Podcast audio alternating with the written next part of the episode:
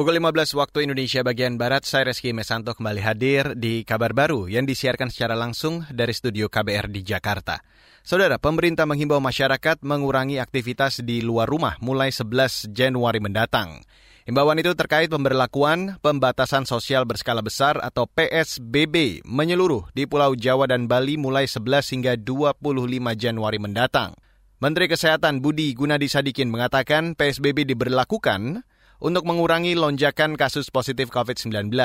Apalagi saat ini sudah lebih dari 500 tenaga kesehatan meninggal akibat pandemi virus corona. Sudah lebih dari 500 tenaga kesehatan kita yang wafat.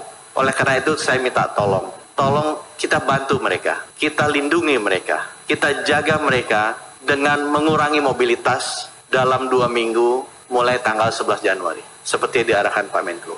Ini untuk menjaga, melindungi, mengawal rekan-rekan tenaga kesehatan kita. Sudah cukup 500 orang yang wafat, jangan lebih banyak lagi. Menteri Kesehatan Budi Gunadi Sadikin mengatakan rata-rata kasus aktif di Indonesia naik antara 30 hingga 40 persen. Hal ini memberikan tekanan ke rumah sakit dan tenaga kesehatan yang bertugas. Sejumlah rumah sakit di Indonesia mulai penuh akibat bertambahnya pasien COVID-19. Beralih ke informasi selanjutnya, Saudara. Bekas Kepala Badan Nasional Penanggulangan Terorisme atau BNPT, Ansyat Mbai, menilai terpidana terorisme Abu Bakar Bashir perlu terus diwaspadai meski kini sudah bebas dari penjara.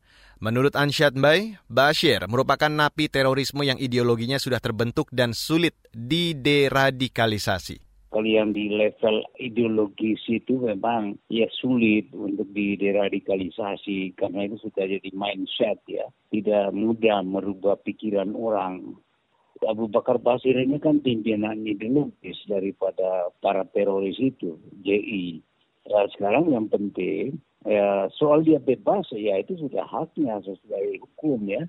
Ya tinggal sekarang kewaspadaan kita. Nah, persoalan sekarang apa yang perlu diwaspadai?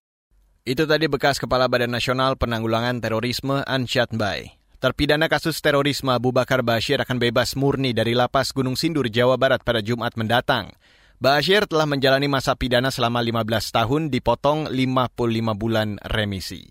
Kita ke mancanegara, Saudara. Organisasi Kesehatan Dunia atau WHO mendesak pemerintah Tiongkok segera membuka akses investigasi mengenai asal-usul COVID-19.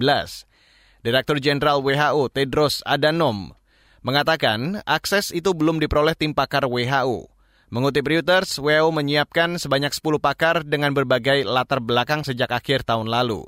Tim akan meneliti berbagai lokasi yang berkaitan dengan penyebaran awal COVID-19, salah satunya pasar di kota Wuhan. Sebelumnya, berbagai negara seperti Amerika dan Australia mendesak WHO melakukan investigasi asal-usul COVID-19 ke China. Dan saudara demikian kabar baru, saya Reski Mesanto.